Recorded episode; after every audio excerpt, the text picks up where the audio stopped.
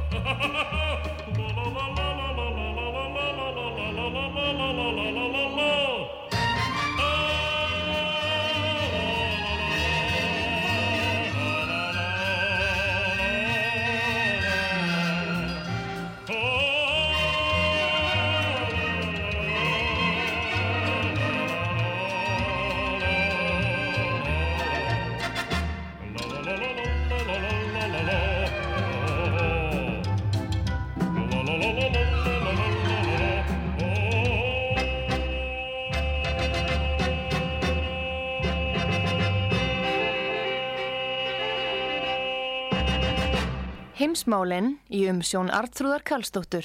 Fréttir og fréttatengt efni af Erlendum Vettvangi.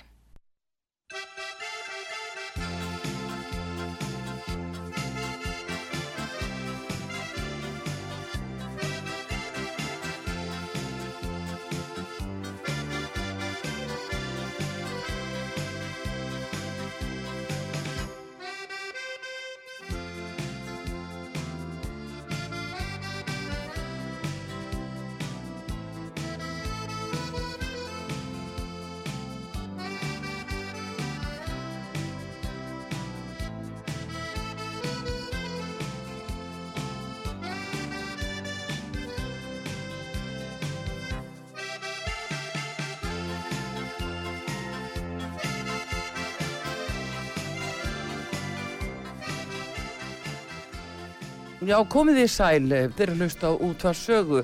Heimsmálinn í dag, eh, Artrúðu Kallstóttir með ykkur og Haugur Haugsson, fréttamaður okkar í Rúslandi, sem er stattur í Sýberíu af öllum stöðum og eh, við ætlum að eh, reyna að ná sambandi við hann út af ástandinu á landamærum Kvítarúslands og Póllands.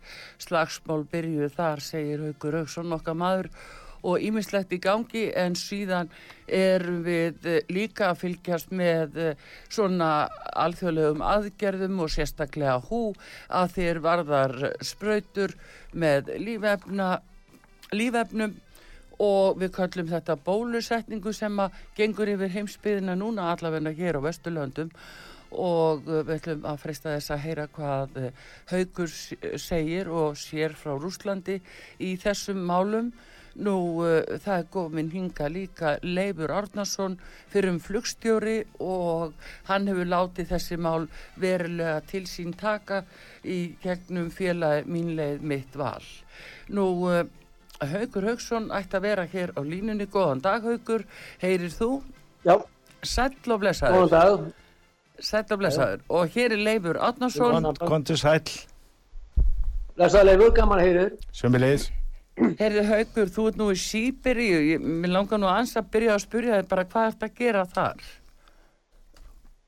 Já, það er þannig að ráðnætið, það er að segja auðvitaðrikið í Rúslands að það býður erlendum fréttamönnum af og til í ferðir, hingað og fangað um landið. Já og uh, þá er verið að kynna sem sagt, já, líf og störf og efnahag og land, landbúna og viðna og annað í hinnum þessu landum og Sýbir er náttúrulega er, já, tveir þriðju ef ekki stærri, stærri hluti í Rúslands og er þarna, hún byrjar fyrir austan Úralfjöld og það er mikill uppgangur og margt að gerast og þeir sem sagt leggja greina miklu áherslu á Sýbiríu vegna, já, vegna þess að það eru þessar gríðalegu öðurlindir sem að Rúsland eiga sem að valda kannski öðrum áhyggjum.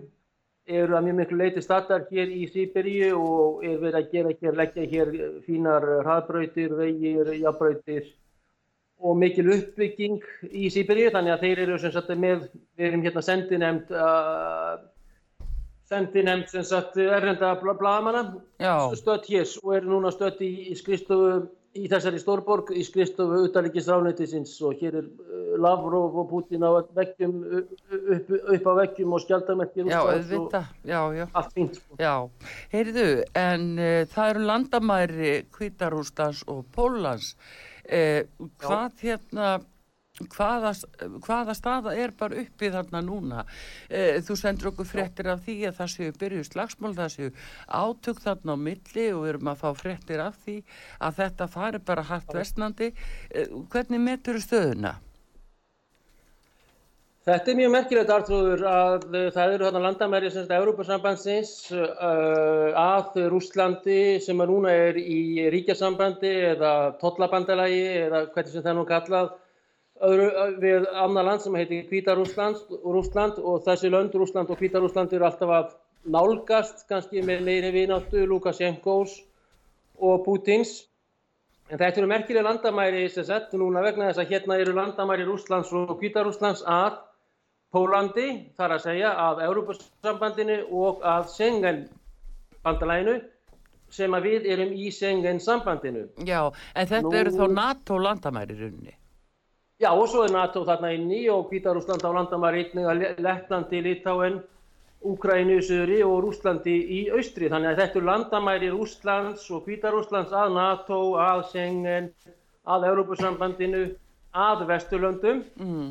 Og það er mik mikið deilt í Bryssel og uh, annar staðar, Washington líka, uh, vegna þessar ástand sem að komið upp á þessum landamærum þar sem að það er um 2500-2000 kannski flóttamenn sem vilja komast inni í Európusambandið, sérstaklega til Þýskalands og kannski Skandinavísku landana og uh, já, sérstaklega pólverjar og Európusambandið, það lítur mjög horn auga á þetta fólk vegna þess að það er að koma þetta austanfrá.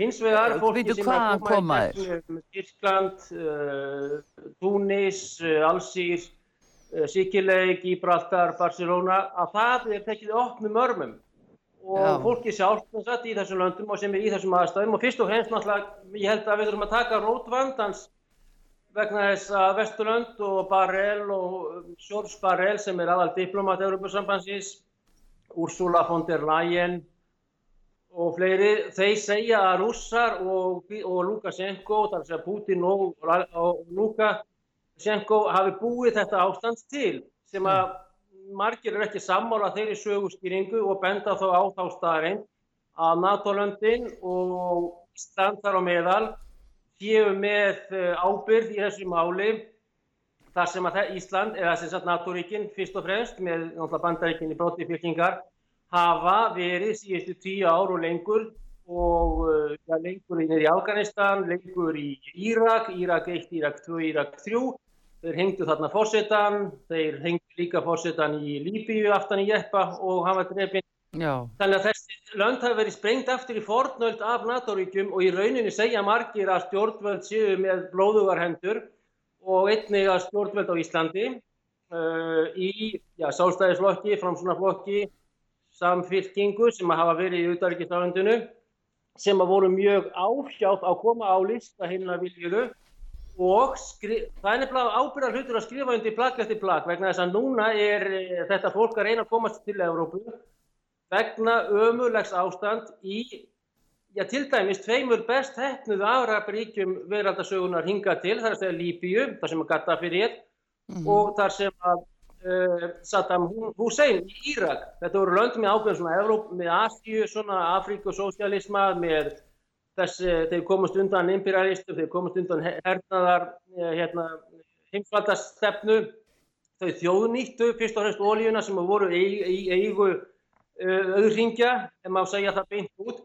En allavega staðin er svo að þetta er fólk sem vil komast í þúsunda og miljónanvís yfir til Vesturlanda og eh, ef það kemur frá Kvítarúslandi þá, mál, þá má byggja girðingu eða sagt, múr og pólverjar hleypa einhverjum í gegn og menn er að henda þarna í skróti og öðru. Pólverjar eru með korkinni meira en færri en ja, 16.000 herrmenn, lauruglumenn, military police er það nýjasta, MPS stendur á þeirra skjöldum sem að því er military police, herr mm. laurugla og skjölda landamæra varða gegn þessum 2500, 2000, 3000 manns.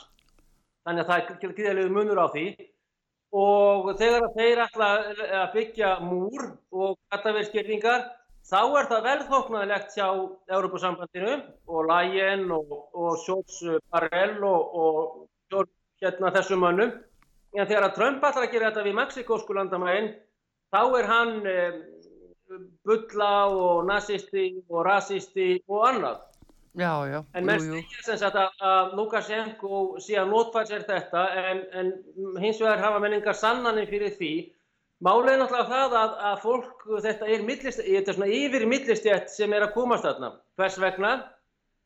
Það er vegna þess að það kostar í bátana yfir miðararhafið, það kostar yfir Tyrkland og það kostar að kaupa túristavísa til uh, Minsk, til Pítarúslands uh, fyrir þetta fólk sem er að borga upp undir 10.000 dollara á mann. Ég hef heimildi fyrir því að í bátana og til þess að borga lauruglumönum í Tyrklandi, landamræðavörðum í Búlgari, Rúmeni, til þess að komast inn fyrir jugoslavísku landmærin inn í Þískaland, þá séum við að borga mjög vel skipulaðri mafíu allt að 10.000 dölum per haus bara að segja 1,5 miljón króna á mann. Já. Þannig að þetta er fólk sem hefur efni á þessu að komast í bátana, það kannski selur einhverjar eignir, bíla, vestlanir og annað, en þorstinn í það að komast artrúður og leifur líka inn í e, sósjálinn í Norður-Európu, í Skandinavísku landunum, Íslandi, við hefum ekki gleyma Íslandi, sérstaklega Þískalandi að vísu, Já. þeir standa það öskra Germany, Germany, Allemani, Allemani þeir, þá dreymir um að komast í Þýskalands. Uh, er þessi, þannig að þetta er ekki fátakasta fólki sem er kannski punktur sem að mætti komast að í þessum flóttamanna vandamálum, það kostar í bátana. Já, það kostar en... til allra þessar lauruglu og spiltu og svo er þetta heil mafía sem að tala rúsnesku, pólsku, þýsku, ennsku, frönsku, sænsku sem eru bara menn sem að keira um á jeppunum heima eh, eins og, og ráþeira bílarnir og þetta eru 5 tonna svartir jeppar. Og eru í því að skipulegja þetta. Og það er þá lág laun hjá lauruglumannum í kannski Tyrklandi Búlgari þannig að þetta er gríðarlega mikill business að koma þessu fólki hingað í sósjálinn á vestur löndu. Já, en haugur þeir eru... Bregðarsambandsins er að þeir sem koma frá austurlöndunum, gegnum Rúsland og velkomnir, kæn, nýtt velkomin En síðan segir Antandi Angela, velkomin nakk Europa, við alla sem að koma söður Já, leiðina. en haugur, haugur, þeir eru líka að koma, haugur, þeir eru líka að koma með flugi til Kvítarúslands, ekki satt? Þeir eru líka, er ekki að beina þeim þaðan yfir til Þýskalands? Getur ekki bara að fara beint ákvæm? Nei, málið náttúrulega með, með Lukashenko er það að Það stóð til að steipa honum með mjög skip, vel skipulögum aðgjörnum Þá erum við að tala um eh, MI6, Military Intelligence Section 6, mm. uh, BND, Bundesnachrichtendienst, sem eru ákveðin leiti eða miklu í undirmenn eða hjá CIA, sem er Central Intelligence Agency, bandaríska leinutjónustan, sem með mjög öflugum hætti náði því að eh, steipa Janukovic, uh, fórsetta Úkrænu, Og það, þetta, það scenarjó sem að gerist um, í februar-mars 2014 uh, átti að endur taka sig í Minskborg fyrir 15 mánuðum, þar að segja í, í ágúst-september 2021 sagt, í Minsk. Já. En tókst ekki eins og þeir félagar sögði í upptöku sem við spiluðum sem voru leiningumstumenn með breskum hreim vegna þess að þeir eru vel organizeraðir, þeir eru, þeir eru sterkir þeir hafa sterkan anda og þeir eru vel org, uh, samstæðir og skipulaðir þar að segja KGB Kvítar Rúsland sem er öryggisþjónusta og þeirra laurugla sem heitir Militia og svo náttúrulega Rúsland sem er þá með FSB sem að veit af þessum aðgerðum uh, uh, erlendra leiðin þjónusta sem að, uh, sem að leifðu ekki að Lukashenko erði steift í flaujölis, Facebook, byltingu, uh, Twitter, Facebook uh, og þessu sem er í dag. Já, og, en... En, þannig að þeir setja Lukashenko í gríðarlegar og hans flugfélag er í mátti Belavia sem er ríkisfélag, sem er öflugfélag, mátti fljúa til Európu og flög voru með ódýra, þeir, þeir mátti ekki fljúa meira til Európu en þeir hafa alltaf haft að góðar, góðar posisjónir í, uh, frá Sovjetímanum í miðausturlöndum og Afríku þar sem þeir hafa, hafa alltaf flögið skilur. Já, já, en þess vegna segir það höfður að svo staða sem eru auðvitað komin upp núna að það er þessi styrleiki og þessar refsi aðgerir ESB gagvart Kvítarúslandi uh, að, að leifa þeim ekki að fljúa en hvað er það að gera? Því að pólverjar þeir með alveg loka sínu landamæri. Þeir hafa enga skildur þetta er fólk sem kemur fyrir út að senginsvæðið Þannig að pólverið eru fullur rétti. Pólverið eru fullur rétti með sína stjórnarskrá og annað þess að maður geta pólverið að borga miljard efra á uh, sólarhing vegna þess að þeirra lög enn en sem komið er hjá Mattius uh, Moravetski, fórsettisráþara og, og Andrzej Duda, fórsetta, eru rétt hærri Európulögum. Já, já. Þannig að meðan þeir hafa sín lög og sína stjórnarskrá og stjórnarskrárdomstól og stjórnarskrá og, og innri lög og lögreglur samþyktir þá uh, geta, þurfa þeir ekki að beigjast undir Európulög og geta haft þessa hörðulög sem þeir hafa ennþá.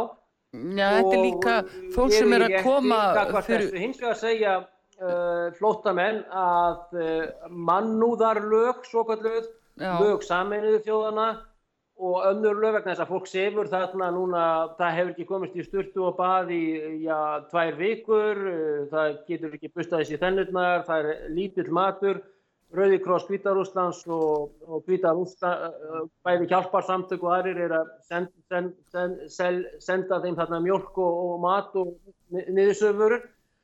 Eh, þannig að þeir segja, og það er mikil heifti í þessu fólki vegna þess að það telur Eh, Vesturlönd vera með blóðugar hendur að hafa rústa þeirra þjóðfélögum og nú þurfur Vesturlönd og þar með kannski Ísland að axla þá ábyrg sem að var í því að, að trúa því þegar að auðarkisráð eh, þeirra bandarækjana þá hinn blakki hérna, hann er nú látin uh, Leifur, hvað hérna hann með glasið?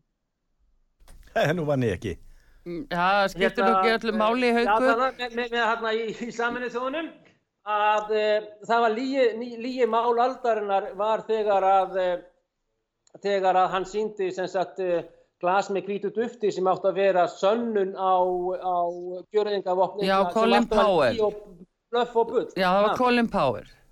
Colin Powell, Colin Powell, Colin Powell og hérna það var allt lí og bull og reyndar hefur enginn séð eftir því af íslenskum stjórnmálamönnum og öðrum í þjóðum hérna viljugu, viljugu, viljugu Já.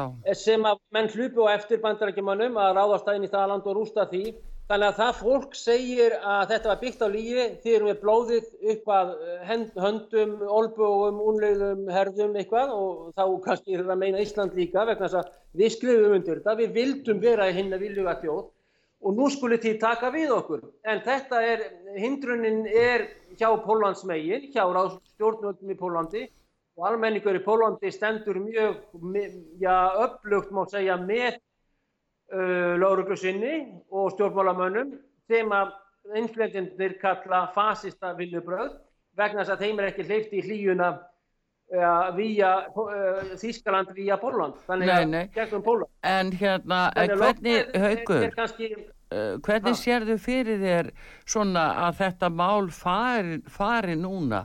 Evrópusambandi verður að grípa þarna inn í og, og liðka til þá fyrir Lukashenko og að minnskusti leifa flug yfir til Þýskalands og þannig að þau geti tekið á móti þessu fólki.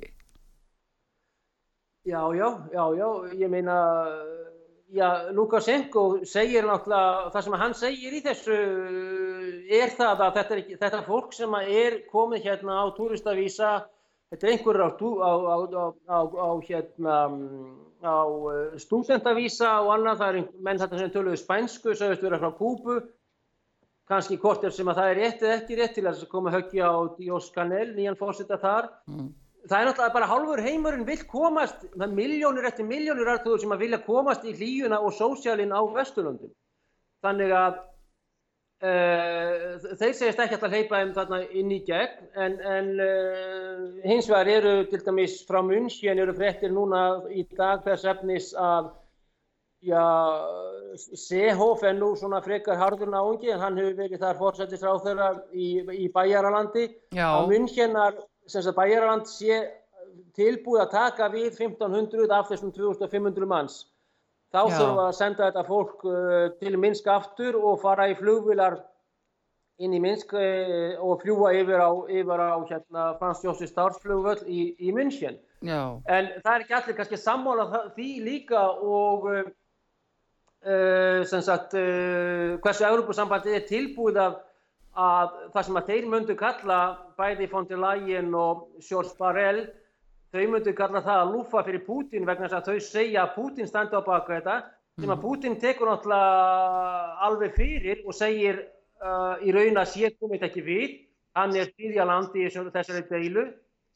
Deilurnar, minna Merkel ringdi til Moskvu, upp til Moskvu í stað þess að uh, Moravetski, Mattius, myndi ringja í Alassindi Lukashenko í Minsk sem eru borgir þessara landa sem eiga í deilunum. En, en, en síðan í, sambandi við tímasetningarnar, Artrúður, þá er mjög, eins og við vitum og sögum, þá voru þær afar mikilvægar.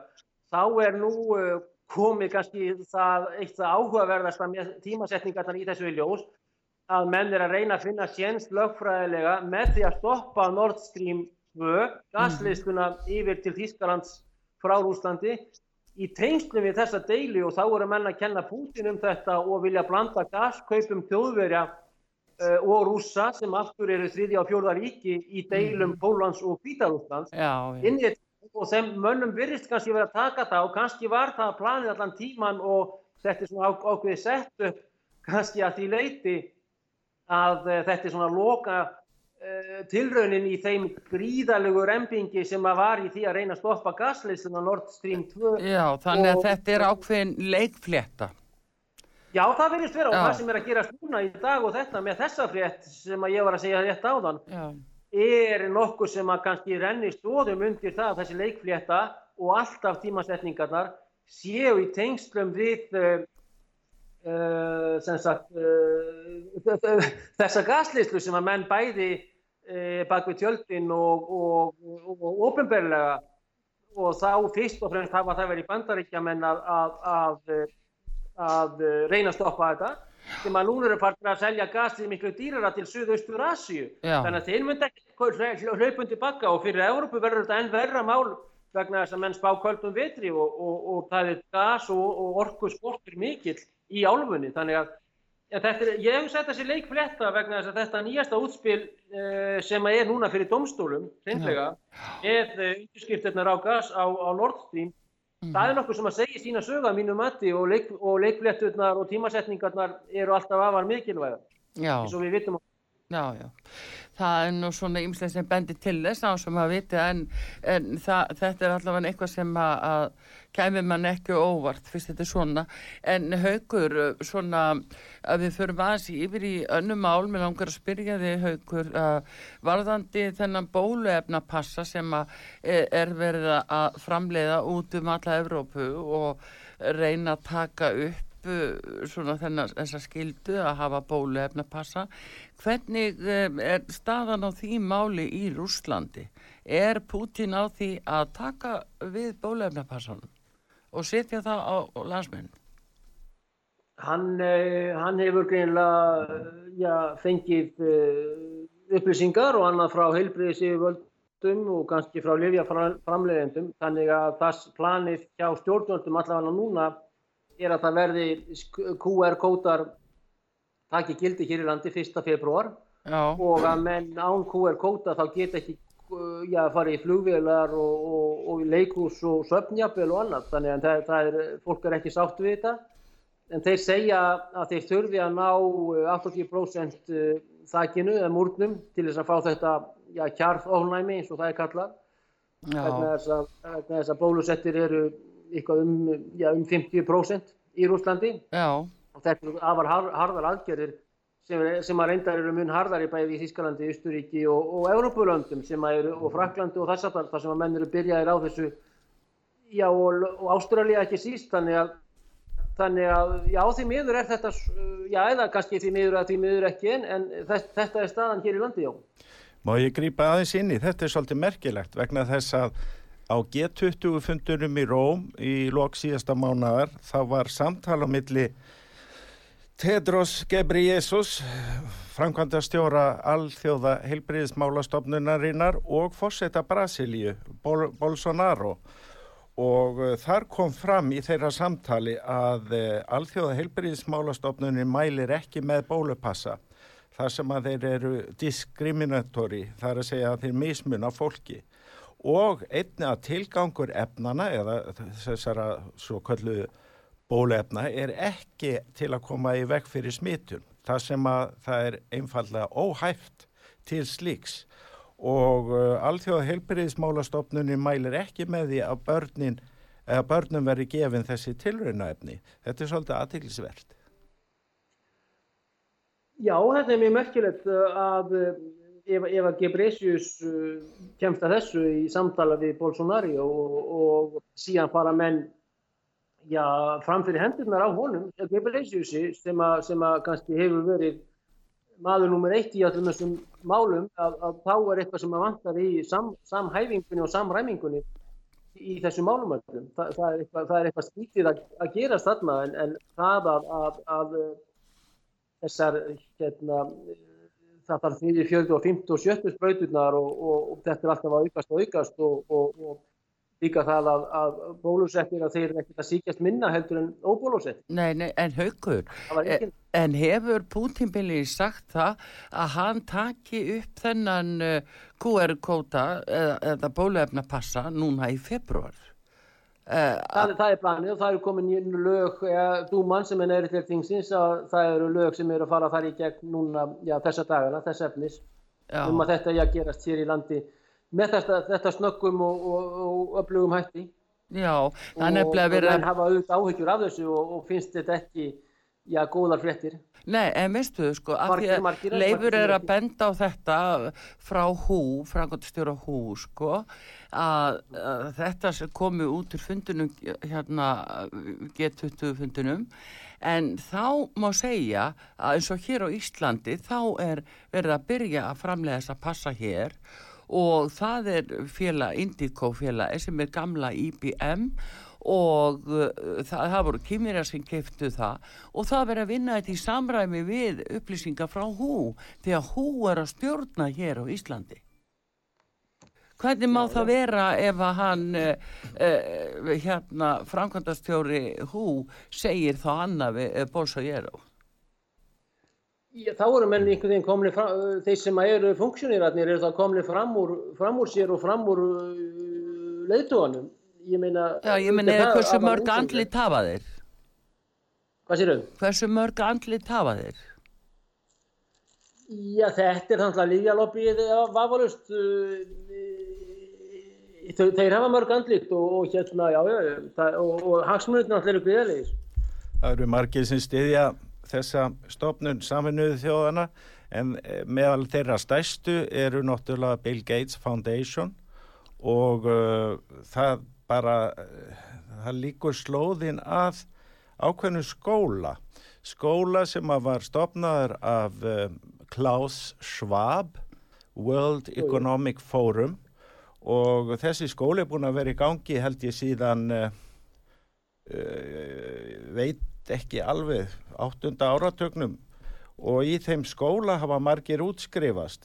Tengdir skólanum veru Henry Kissinger við vitum um Angelu Merkel það er Nicolas Sarkozy Tony Blair uh, það er yfir 1300 sem hafa útskrifast af úr þessum skóla meðal annars fyrirverandi eh, nýver, eh, núverandi eh, heilsumálar á þeirra Þískalands nú Jens Spahn sem að var 2018 í Þískalandi Filip Rösler sem var heilsumálar á þeirra til 2011 og er einn af svona framkvæmdastjórin hjá Svab í þessum skóla frá 19, eh, 2014 það eru önnunöfn þarna fleiri Jacinda Ardern þið vitið fósætisir á þeirra nýja sjálands það er nú allt í lokalokulæs svipað og í Ástralju og, uh, Aust, og Austuríki Emmanuel Macron Sebastian Kurz sem var í Austuríki þar til um daginn mm. Viktor Orbán Jean-Claude Juncker og þið vitið það eru mörgnöfn sem að koma að þessari holskeplu af, þetta er eins og symfónia út um allan heim mm -hmm. og það er einhverju sem stjórna symfóni og það verist fara í gang á svipuðum tíma allt saman. Það fer alltaf á saman tíma. Þess vegna finnst mér aðtilsvært að Hauku segir að, að bólefna passin er að fara upp í Rúsland í februar, þá er þeir búin að setja þá dagsetningu sko þar, það er spurningum Ísland og, og, og bara hér í Norðurlöndin. Höfum við einhverja upplýsingar um það haugur? Ég veit ekki um Norðurlöndin hvernig það er að gera. Þetta var eitthvað bakslag hérna í Danmarku hjá dönunum einhver leiti og, og annað en, en þau, þau, þau eru aðvarist í takt við þetta og, og það verðist til að svoleiðis Európa-sambandið og Ísturíki og Þískarand séu, séu að gangi þann núna sem sagt að hérna láta þetta fara í gang bara núna fyrir jól og fyrir áramót og í næsta mánu eitthvað þannig að það, það er alveg ljóst að Európa er vafalast fremst í þessu þessu þeir eru mikið í tengslum við uh, rússana veit ég ekki en það getur vel verið að þessu uh, svona leinitengsl þar á milli og, og það sem að leifur er að segja með skóla sem að Klaus Schwab og George Soros uh, hafa verið að hafa og þeir hafa verið að haf, ha, haft þetta fólk í svona demokratískum skólum þarna í Östur-Európu og, og heita öðrum öfnum hinnum einn en þetta er akkurat sem sagt, eh, eins og hann er að segja og Kissinger náttúrulega er sá, sá elsti og öflugast í þessu sem náttúrulega er uh, einn öflugasti diplomat, bandarækjamanna og skuggaráðnýttismadur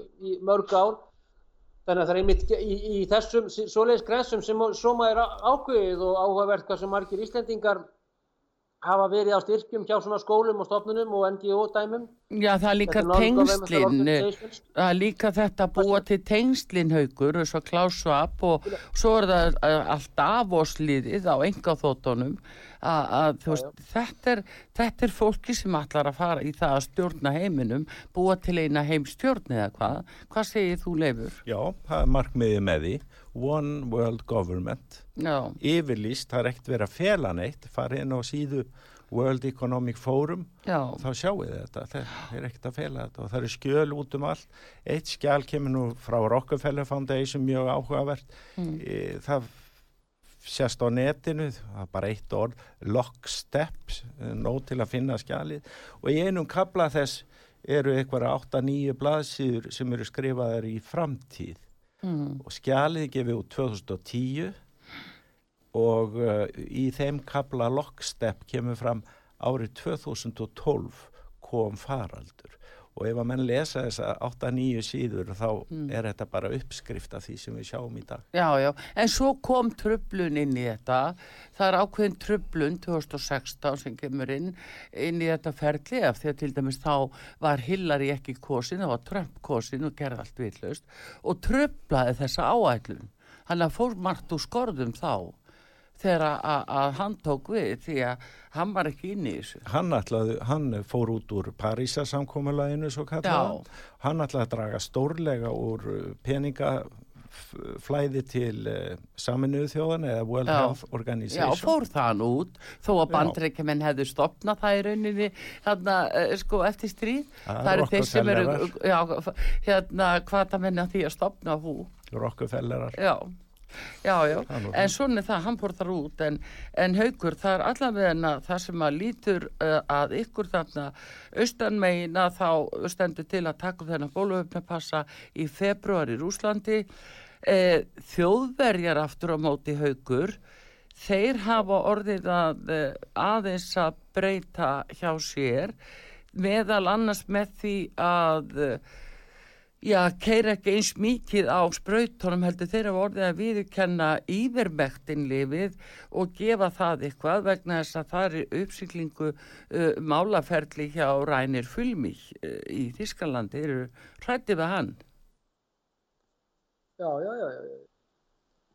Þannig að það getur svona, það getur, getur farið í allar áttir. Sko Rænir Fulmich, hann fer fyrst og fremst í PCR-prófin vegna mm. þess að þau eru svo óáreðanleg og það er engin í raun og verkið samræmi á milli hvernig PCR-prófin eru unnin í, í heiminum eða á milli landa, ég tala nú ekki um uh, Norðurlanda eða, eða Evrópu, en PCR-prófin sko e, þar er leit að einhverju sem að þeir hafa ekki skapalón til þess að miða við. Vegna þess að veiran hefur ekki verið einangruð með, með þeim hætti sem að maður skildi ætla.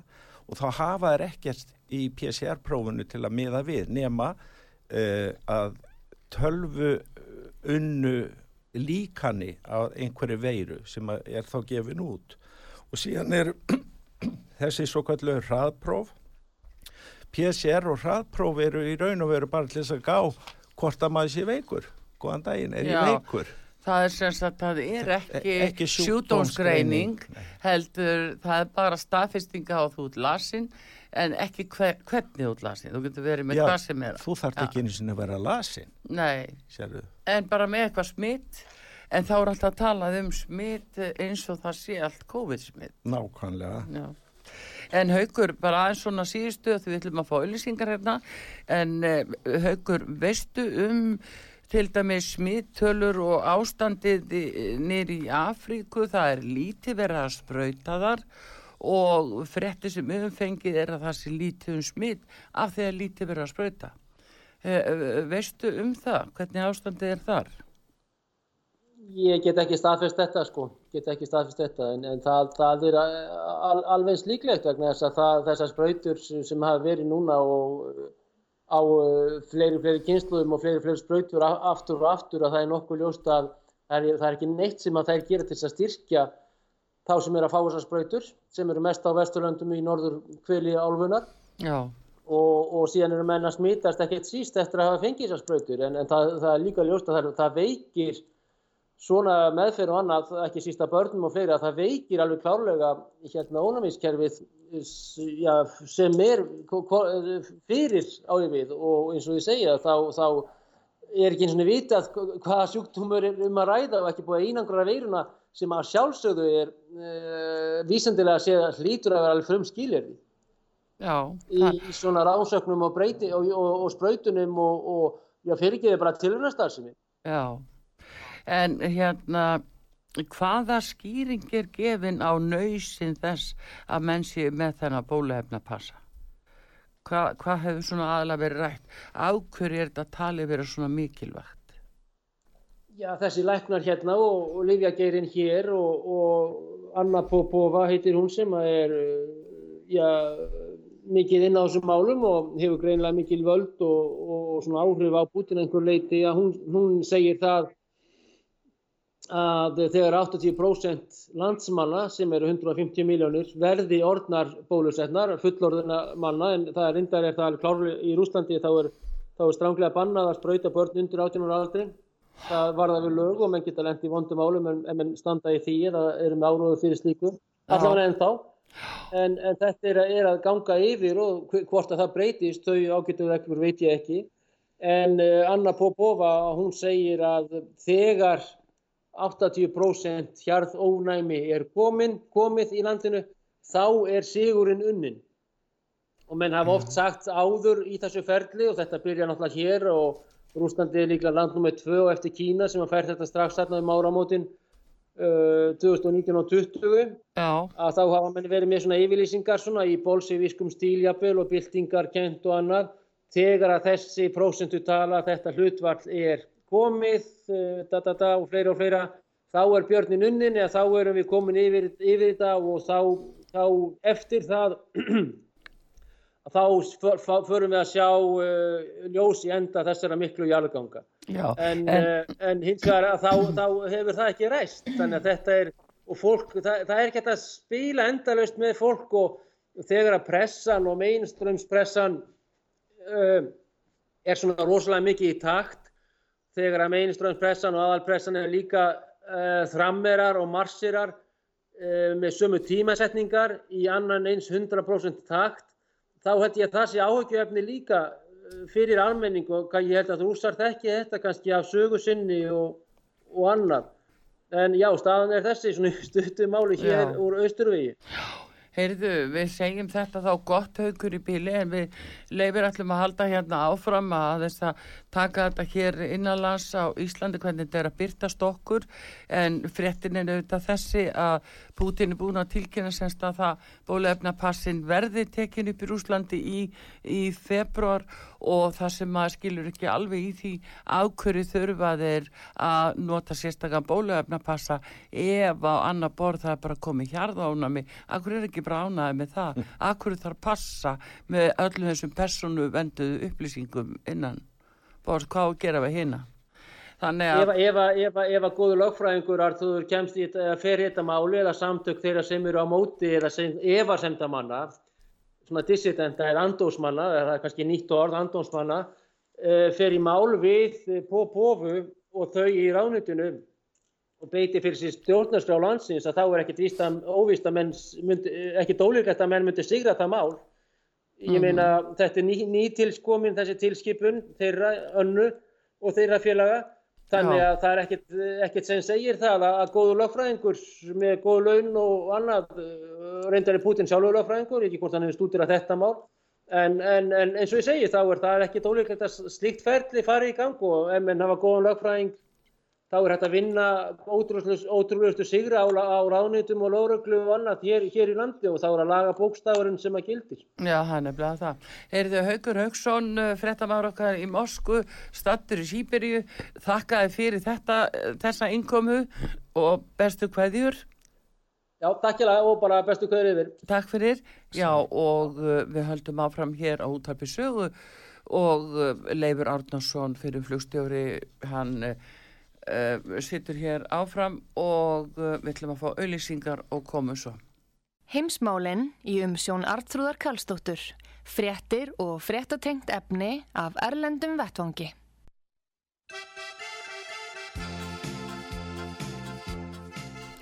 Já, við uh, þakkum Hauki Haugsinni, frettamanni okkar í Mosku fyrir þetta í heimsmálunum í dag en uh, við höldum áfram hér að ræða málinn Artrúð Kallstóttur og Leifur Árnarsson fyrir flugstjóri hjá Æslandir. Við hérna, uh, Leifur hefur náttúrulega fló, fló, flóið um öll heimsins öf og, og þið hafa ekki lendt í því hjá Æslandir, Leifur, að einhvern tíman að veri loka á það að Æslandir mætti ekki fljúa. Hvernig það? Jú, eflaust hefur það komið til. Eins og það er að koma hjá kvítrúsum? Nei, kannski ekki, ekki með þeim hætti, en í einhverjum verkefnum hafa menn orði fyrir svona tröflunum. Við flugum í verkefni í þó nokkur ár Já. frá Spáni til Venezuela, Caracas Já. og þar var náttúrulega nánast sko borgarastríðs ástand, Já. ekki á milli ríkja beint, heldur mm. innan lands. Já, já. Þannig að það er ímislegt en núna erum við að tala um þennan alheims faraldur og uh, þú látið þetta mál mikið til þín taka. Og við heyrum alltaf núna uh, það er kyrtaldið á því leifur að bara smitt tölur það er alltaf að tala bara um tölur smitt, smitt Nákvæmlega. en það er ekki, mér, það er ekki sagt COVID-smitt, heldur bara smittölur Já, uh, þeir meina- 100 smitthust í dag Þeir meina, meina COVID-smitt á þess að hafa í raun og veru vittneski um það að mínu mati. mm. Sko, þetta skimuna brjálaði sem er í gangi, við megum ekki gleyma því að bæði PCR-prófin, hraðprófin, eru útgefin samkvæmt neyðarleifi, Emergency Use Authorization hjá CDC í bandaríkjónum og uh, þau eiga, eiga að greina eitthvað. Og uh, máli er að uh, einkjarnalausir smita óverulega ef nokkuð. Það fór fram risa rannsókn í Kína á 10 miljón manns þar sem var verið að, að, að rannsaka einkjarnalaust smit eða asymptomatic spread og það er bara hreinlega óverulegt. Já, Þannig að fólk þarf ekkert að fara á gá hvort það sé veikt Mhm. eða smitandi. Það er óverulegt.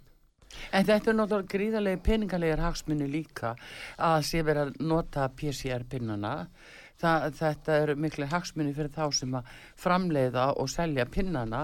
Uh, þannig að... Uh, Það, það er eitt já, og síðan er annað að notuðu pinnarnir hafa verið seldir til Kína frá einhvernum löndum, ég veit ekki hvernig það er hjá okkur á Íslandi Mhm. og það er, það er DNA upplýsingar sem að þeir fá í sinn databanka. já.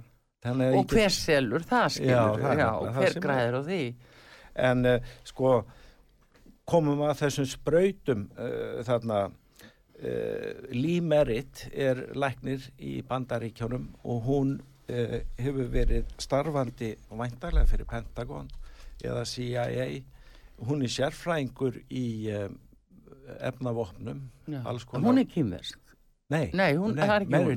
Nei. Já, og hún segir sko að markmiðið með uh, þessari svo kölluðu bólusetningu er ekki að verja fólk gegn veiru Mm. heldur það er til að koma þessu efni í fólk já, það sé tilgangurinn já, tilrun með uh, spröð, þessi lífefni. já, Já, það er nú það sem er það stendur kannski nýfurinn í kunni og menn alls ekkit á einu máli og, og það er auðvitað sko það er verið að reyna að sundra íslensku þjóðunni til dæmis núna uh, bólusettir og bólusettir og fjöldi manns er auðvitað með þessar upplýsingar sem þú ert að segja. Já er og bara vill ekki taka þátt í þessari tilrun því að nú liggur það fyrir að þetta er tilrun þó að íslensku þjóðunni hafi ekki verið sagt það. Þá dættur mann í hug hvar eru læknarnir sem ættu að tjá sig?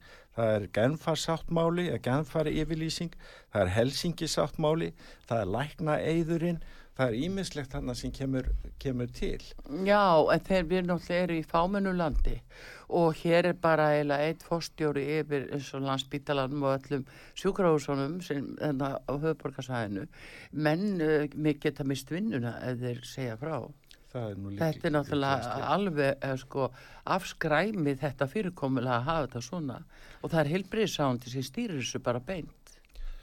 En svo ég, ef ég má bæta í þarna í lokin í sambandi við PCR-prófin, þá Mm. eru hér uh, alert, lab alert frá uh, því í lok uh, júli í Já. ár. Það eru skilabór frá CDC eða Sótvartastofnun bandaríkjana til rannsóknarstofnana Já. um að um, 31. desember næstkomandi um áramótin þá hættir CDC að mæla með PCR-prófin Það er missa neðarlefið. Það missa neyðarleifið Já. á því og uh, rannsóknarstofnunum er, er, þær eru kvattar, kvattar til þess að finna upp aðferðir sem að gætu greint á milli flensu og SARS-CoV-2. Já. Já, já, þarna er eina ferðin enn staðfesting á því að smit er ekki sjúdómsgreining. Já, Já. Já. Það er það sem er verið að vilja um kannski, ekki endilega viljandi en það er bara þannig. já þú sjáum þetta. ferði í PCR-mælingu Já. inn á uh, hérna laugarvakshöll og Já. ef þú ert neikvæð þá færðu skeiti um að þú hafir ekki greinst með COVID-19 sjúkdómin. Já, En svo er framkvæmdin á þessu þannig Mm. að það er eh, ályktun mannréttindanemdar Evrópuráðsins frá því í januar í ár. 2021. 2021 og það er kap- fjallað um í kabla 7 að e, borgarar skulu upplýstir um að e, bólusetningin sé ekki skilda Já, að það megi engin mismunun ekki mismunun af neinu tægi eiga sér stað og fólku vilji ekki mm. bólusetninguna það á að dreifa gagsægjum upplýsingum um öryggi þeirra Mm. eða aukaverkanir og það á að dreifa með gagsægjum hætti uh, innihald samninga Mm. og gera þá ofinbera fyrir alþingi og almenningi og í kabla 74 er talað um börn og þá er vísað í, mann, í barnasáttmála saminuð þjóðar þetta er ályktun Evrópurásins frá janúar eh, 2021. Já. Sýnist þér vera farið eftir þessu? Nei. Ekki aldeilis. Ég held að almennt sé nú ekki búið að segja bara íslensku þjóðunni neitt frá þessu leifur því að eh, hér er fólk láti halda allt annað og eins það alþingi sem er náttúrulega mjög alvarlegt mál að okkar löggefa samkunda fái þetta ekki alveg klift og skorið og gjörsamlega upplýst og fá að sjá þetta bara og lesa þetta á íslensku. Þess vegna bara þýtt. að sjálfsögðu þetta er bara nexli Já, en uh, af hverju telur þú, Leifur, hverju telur þá að þessi leynd sé látin fara svona yfir Ísland þegar við sjáum eins og þetta frá Evrópuráðinu og eitt segir líka hérna hú og svona nokkuð. Hverju þá látið svona hér? Já, við minnumst bara þess sem við sáum kannski fyrir nokkrum dögum, þeir sem hafa viljað sjá það. Það voru hérna, þing fulltrúar Evrópusambandsins sem stóð upp í púlti Mm. og voru að sína það sem að þeim hafi verið sínt af samningi Já, og var búið að tússa yfir sko megnið af samningnum og hann, eins og þú veist, hann er upp á tæpar 200 síður. já, Þetta var það sem að fulltrúar Evrópu sambandsins eh, sem að, þingsins, Evrópu sambandsins já, eh, sem að eh, er á móti þessum pössum.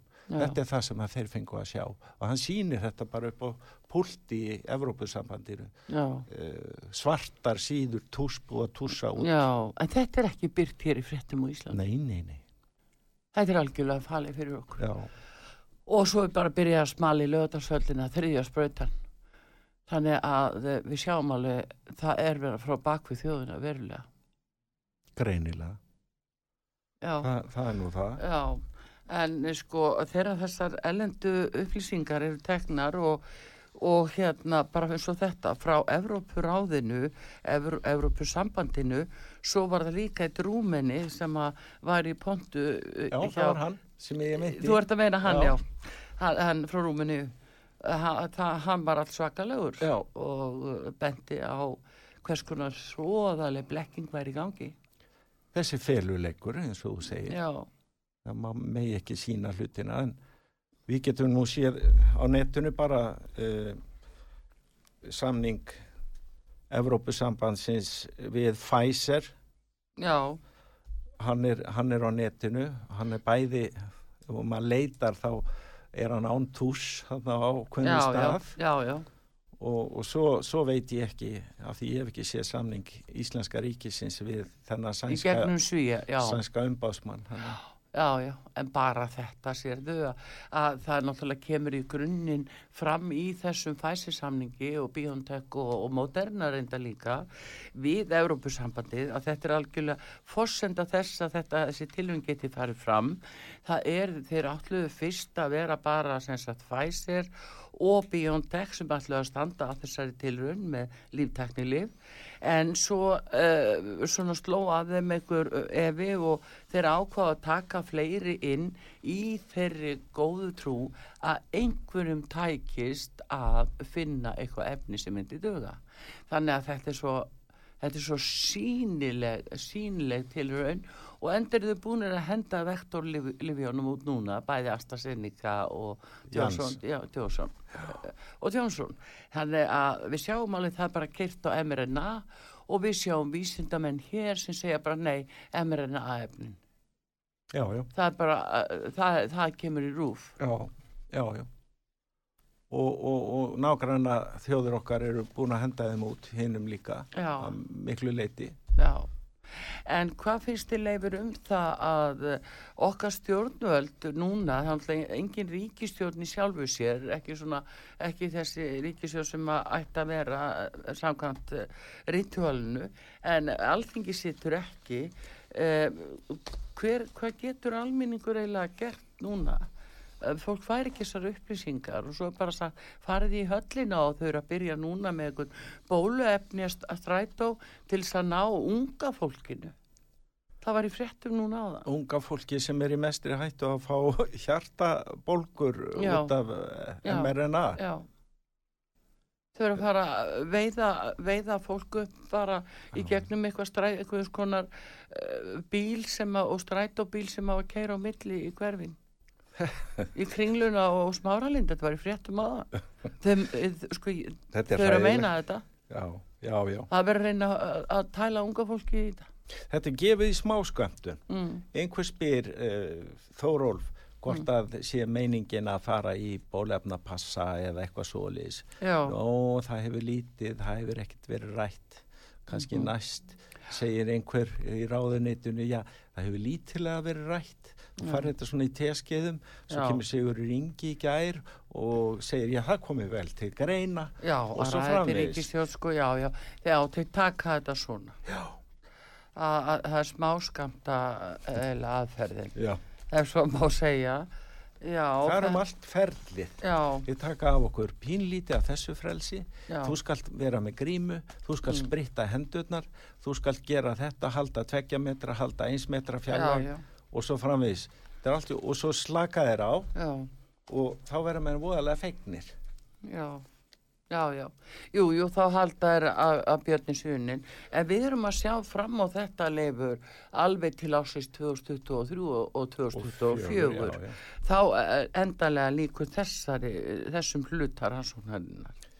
Já, og þá ætti að líka fyrir einhvers konar niðurstaða Já. um uh, áhrif, effectiveness og safety Já. á þessum efnum. Fyrir Já, já. Það líkur ekki fyrir strax en það líkur fyrir að þau já. En þau kom ekki veg fyrir smit eða neitt slíkt. Nei, en það er það svo, þeir eru að- koma með það sko að þeir sem eru bólusetti þeir séu minna líklegi til þess að veikjast alvarlega, þá er það nú eitt sem að fólki er talin trú jú.